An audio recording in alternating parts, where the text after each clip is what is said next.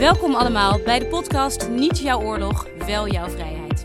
Ik ben Merel En ik ben Justin. en we praten vandaag over medemenselijkheid. En natuurlijk doen we dat vandaag niet alleen. Wij hebben zeer speciale gasten aan tafel. Julia uit groep 8 en Teun uit groep 8. Hallo. Hallo. En dat niet alleen. Net zoals alle podcasts hebben we ook een speciale gast. En vandaag is dat niemand minder dan Leendert de Ridder. En Leendert is acteur. En die Dat is toch, allemaal... sorry, maar Leendert, dat is toch Mees Kees? Ja! Mogen we dan ook Mees Kees zeggen vandaag? Nou, je- nou, nee, eigenlijk niet. We mogen Leendert zeggen. Maar je mag wel zeggen Leendert, die jullie kennen als Mees Kees. Dat mogen jullie wel. Het verhaal waar we vandaag naar luisteren wordt verteld door Bart van der Boom. En hij werkt op de Universiteit in Leiden voor de afdeling geschiedenis. Zeg Justin, wat eet jij nu? We zijn bezig met de opnames van de podcast. Ik eet het laatste koekje. Het laatste koekje, dan vraag je toch even of de ander ook een koekje lusten? Nou, ik, ik zag het laatste koekje liggen. Ik denk, nou, die, die pak ik, stop ik zo in mijn mond. Nou, we praten vandaag over medemenselijkheid. Dat betekent het beste voor een ander willen en dat ook laten zien. Oh, dus eigenlijk had ik dat laatste koekje een ander, iemand anders moeten gunnen. Eh, juist, ja. Ah, nou, weet je wat jongens? Na deze podcast trakteer ik iedereen op een koekje. Goed, nou na dit koekjesincident van Justin ben ik toch wel eens even benieuwd. Leendert, ehm, maak jij het wel eens mee, medemenselijkheid? Lijk je op Justin of zit jij anders in elkaar? Bij mij bij de supermarkt zijn altijd mensen met zo'n straatkrant die ze aan het verkopen zijn. En eigenlijk kan ik nooit nee zeggen als ze me zoiets aanbieden. Dus heel vaak koop ik dan die straatkrant of ik geef ze geld. Dan mogen ze de straatkrant houden om die krant aan iemand anders te verkopen. Maar ik moet wel zeggen dat rondom kerst, dan koop ik hem nog veel vaker dan, dan normaal. Want soms denk ik, ja, nu wordt het iets te gortig. Maar met kerst dan voel ik me nog verantwoordelijker om hem altijd te kopen. Om Dus, dat voor iemand anders te ja, doen. dus dan ben ik heel goed bezig. Kijk, super, mooi om te horen. Dat is leuk en aardig, Merel. Maar wat staat er dan in het woordenboek? Medemenselijkheid. Het beste met anderen voor hebben en mensen dat ook laten zien. Teun, wat zou dat betekenen als je het beste met iemand voor hebt? Best voor iemand voor hebben is als je iemand een plezier doet, terwijl het eigenlijk helemaal niet hoeft. Bijvoorbeeld wat Leonardo net ook al zei. Hij koopte die krant, ook al hoeft het helemaal niet. Julia, heb jij misschien ook een voorbeeld van medemenselijkheid in je eigen omgeving? Ja, ik had een buurmeisje uit Iran en die had een laptop nodig voor school. En toen ben ik de hele buurt rond geweest om geld te betalen, zodat zij die laptop kon kopen. Wauw, maar heb je echt ook zoveel geld opgehaald eh, voor een laptop? Moest een beetje geld bijgelegd, maar uiteindelijk hadden we genoeg. Nou Leendert, als jij dat zou doen voor al die daklozen die krantjes verkopen, moet je wel een huis bij elkaar sparen. Dan moet ik allemaal koekjes aan mezelf gaan verkopen, denk ik. Misschien. Hé, hey, maar dat klinkt natuurlijk als een prachtig voorbeeld, Julia. Had je daar nou zelf ook iets aan? Nou, ik heb me ermee vermaakt en toen zij uiteindelijk de laptop kreeg, was ze er zo blij mee dat ik het eigenlijk allemaal alles waard vond. Teun, kan jij vertellen wanneer je iemand geholpen hebt uit jezelf, omdat je zag dat hij hulp nodig had bijvoorbeeld? Ik speel hockey en in mijn hockeyteam werd soms iemand wel een beetje geplaagd of gepest, wat diegene eigenlijk helemaal niet wou. En toen heb ik hem geholpen. Wat goed van je. Hoe heb je dat gedaan? Gewoon tegen die pester zeggen, stop, want het is echt niet leuk. En we zijn samen een team. En je moet ook een team vormen. Vertel je mooi, hè? want het team is eigenlijk echt het grootste betekenis van medemenselijkheid. Want je Ja. doet het met elkaar in dat team, toch? Ja. Kijk, jij bent een echte teamspeler. Ook in de Tweede Wereldoorlog zijn er mooie voorbeelden van medemenselijkheid te vinden. Vandaag luisteren we naar het verhaal van Els van Lohuizen. Mevrouw Els van Lohuizen had tijdens de oorlog samen met haar man Dick en haar zoon Ger een klein kruidenierswinkeltje in Epe. Dat is een dorpje in Gelderland. Mevrouw van Lohuizen kende heel weinig Joden, maar ze trok het zich enorm aan dat die Joden door de Duitsers zo slecht behandeld werden. Zo moesten ze in mei 1942 de Joden allemaal een Jodenster gaan dragen. Een grote gele ster met het woord Jood daarin.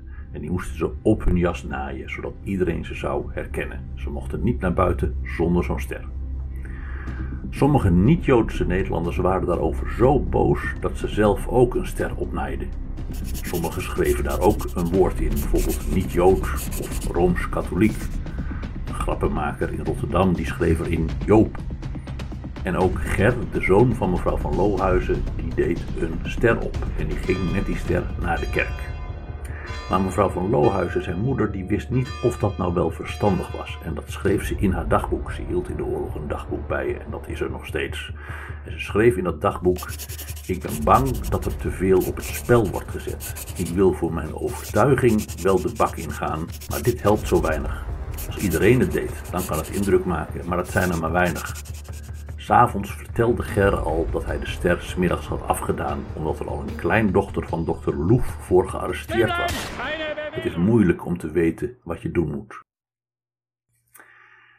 Tweeënhalve maand later, na die ster, in de zomer van 1942, begonnen de Duitsers met het weghalen van de Joden uit Amsterdam, waar verreweg de meeste Joden woonden.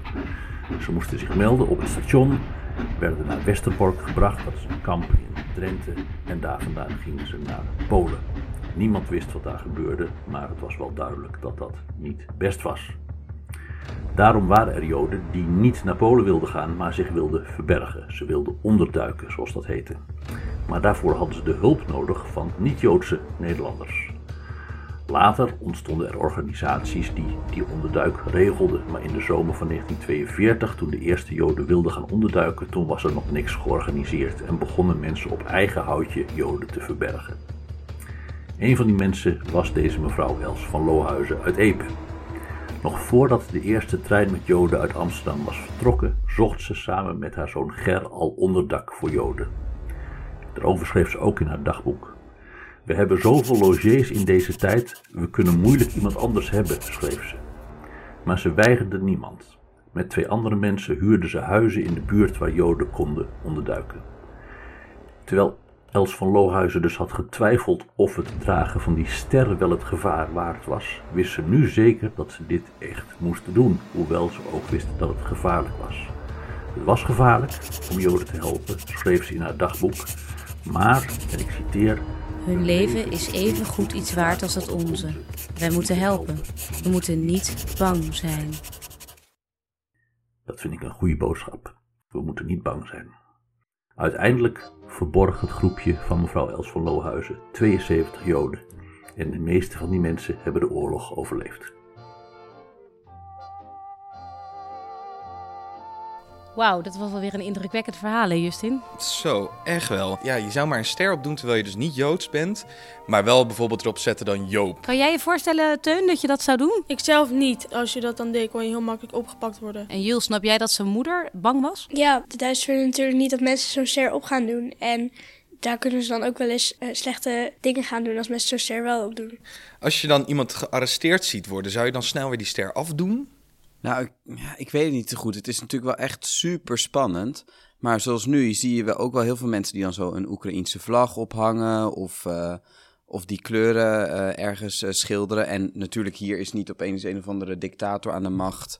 Je kan hier daar niet voor gearresteerd worden. Maar toch, ik denk dat het misschien in die tijd voelde als een soort klein protest. Alleen, ja, het was wel echt heel erg gevaarlijk. Ik vind het ook wel spannend dat zij dat dus al gevaarlijk vond. Terwijl ze later veel gevaarlijkere dingen is gaan doen. Ja, Julia, ik ben wel benieuwd. Ehm, die mevrouw van Lohuizen die ging dus op haar eigen houtje joden verbergen, terwijl ze eigenlijk geen plek had. Zoals Leendert al zei, hè, ze ging nog gevaarlijkere dingen doen.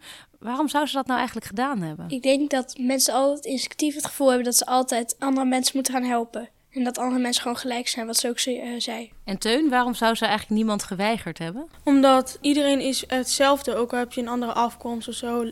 Net ook een paar jaar geleden met die Black Lives Matter. Kan niet gewoon zomaar iemand anders ja, gaan behandelen omdat ze een andere huidskleur hebben. Ik denk dat sommige mensen ook echt niet wisten wat het juiste was om te doen.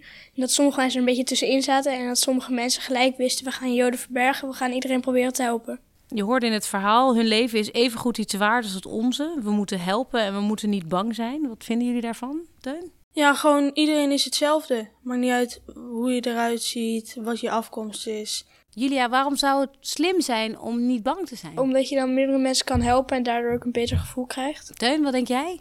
Ik vind dat ook wel een goed iets. Want als je dan die mensen helpt, zijn ze later heel dankbaar voor je. En dan kunnen ook meerdere generaties en mensen uiteindelijk op de wereld komen. En wat gebeurt er als je ergens niet bang voor bent? Of als je jezelf vertelt, weet je wat, ik ga hier niet bang voor zijn. Dan eh, word je zelfverzekerder erover en ga je het vaker durven. En ga je ook meer je best doen ervoor. En Teun, je zei net zo mooi van dat de meerdere generaties daar dankbaar voor zullen zijn. Dus eigenlijk doe je het ook voor de toekomst. Het, het kan zomaar zijn dat een van die mensen die daar later ook komt, heel goed gaat zijn voor de wereld en eenmaal allemaal goede dingen gaat doen. Kijk, dat vind ik nou mooi dat je daarover nadenkt. Ja, want eigenlijk zet je iemand anders boven jezelf als je dan medemenselijk bent. Maar eigenlijk vind ik het ook wel bijzonder dat zij dus nooit nee zei tegen wie er ook werd voorgedragen. Want je zou ook kunnen denken van oké, nou, ze had bedacht ik doe er vijf en dan heb ik mijn plicht gedaan. Maar ze keek echt gewoon steeds naar de persoon van oké, wil je deze ook onderduiken of wil je, wil je deze ook laten onderduiken? En dan kon ze dus nooit nee zeggen. Dus dat ging echt over de mens die ze ging helpen. En niet ja, dat ze dacht nou, met vijf of tien dan heb ik mijn pakje aan wel gedaan. Gebeurt het wel eens in het theater dat je andere mensen bang ziet zijn en dat je denkt, hé, hey, misschien kan ik jou eens even een beetje helpen? Nou, dat is wel een mooie vraag eigenlijk. Want bijvoorbeeld met Mees Case, elke aflevering gaat wel altijd over een kind dat ergens mee zit. En dat misschien niet durft te zeggen. En Mees Case ziet dan altijd wel dat het kind ergens mee zit en probeert diegene dan te helpen. Nou, ik ben natuurlijk niet Mees Case, maar daar leer ik zelf ook wel van. Van, oh, je kan altijd wel ik even doorvragen bij iemand. Hey, zit je ergens mee? Waarom doe je zo? En op die manier ja, kun je elkaar natuurlijk wel een beetje op weg helpen. Leendert, kan jij een voorbeeld noemen wanneer je het moeilijk vond om medemenselijk te zijn? Hoei! Nou, dat is wel een moeilijke vraag eigenlijk. Moet ik ook wel eerlijk zijn, natuurlijk. Want liever zou ik zeggen dat ik dat nooit heb. Ik heb wel eens een keer uh, vrijwilligerswerk gedaan in Oeganda. En toen voelden we ons natuurlijk hartstikke goed dat we daar kwamen helpen. We gingen helpen een school op te bouwen. En die directeur van die school daar, die was ook dominee. En die begon toen opeens een hele heftige speech te houden over dat hij tegen homo's was. En uh, dat vrouwen een plek moesten kennen in de keuken. En allemaal dat soort dingen. En toen vond ik het wel moeilijk, want toen dacht ik, wow, we zijn hier eigenlijk om te helpen. Maar ja, deze man heeft hele andere opvattingen dan ik heb eigenlijk. Dus toen vond ik het niet per se moeilijk om te gaan om medemenselijk te zijn, maar wel, toen ging ik wel even over nadenken, oké, waarom doe ik dit nou eigenlijk? Waarom wil ik dat doen? En nou ja, ja ik weet niet, dat, toen werd ik wel even, moest ik er wel even over nadenken, ja. Heb je iets durven zeggen tegen die dominee? Nee, eigenlijk niet. Daar baal ik nu wel een beetje van, want ik denk wel dat juist misschien als ik naar hem toe was gegaan en had gezegd van, hé, hey, misschien zullen we het er even over hebben. Ik denk wel dat dat wel heel goed was geweest. Dat we gewoon een gesprek hadden gehad. En hadden we misschien wel gezegd, nou, we vinden allebei iets anders. Maar we vinden elkaar nog wel aardig. Want hij was natuurlijk wel ook bezig voor zijn medemensen in, in, in, in hoe hij er zelf over nadacht waarschijnlijk. Ja, dit was echt zijn overtuiging natuurlijk. En hij dacht, oké, wat ik doe uh, is goed. Dus nee, dat durfde ik niet, maar had ik wel moeten doen. En voelde je door zijn preek ook persoonlijk niet medemenselijk behandeld? Kijk, het was wel lastig, want wij hadden toen op school ook een uh, docent Spaans. Zij is lesbisch en ze had ook heel erg zich ingezet voor die reis. Nou, ik ben zelf ook homoseksueel, dus ik voelde me daar wel niet echt veilig door. Dat ik dacht, wow, oké, hmm, van jou mag ik dus eigenlijk niet bestaan of zo. En die docent heeft zich super hard ingezet en nu zit je haar gewoon te veroordelen. Nou, ja, daarvoor had je dat gesprek dan met elkaar moeten voeren, denk ik. Maar daar was ik toen nog wel een beetje jong voor om dat echt te durven. Had je Mees Kees toen maar ontmoet? Ja, precies. Had ik maar Mees Kees gekeken. Maar ja, ik kan me ook wel voorstellen dat het soms wel moeilijk is om het gesprek met iemand aan te gaan. Niels, zou jij dat moeilijk vinden als je iemand heel anders is dan jij? Dat lijkt me best wel moeilijk, omdat ik dan al snel mijn eigen mening veel belangrijker vind dan die ander. En terwijl het eigenlijk helemaal niet zo is. Vind jij het belangrijk om mensen te helpen als je ze helemaal niet goed kent?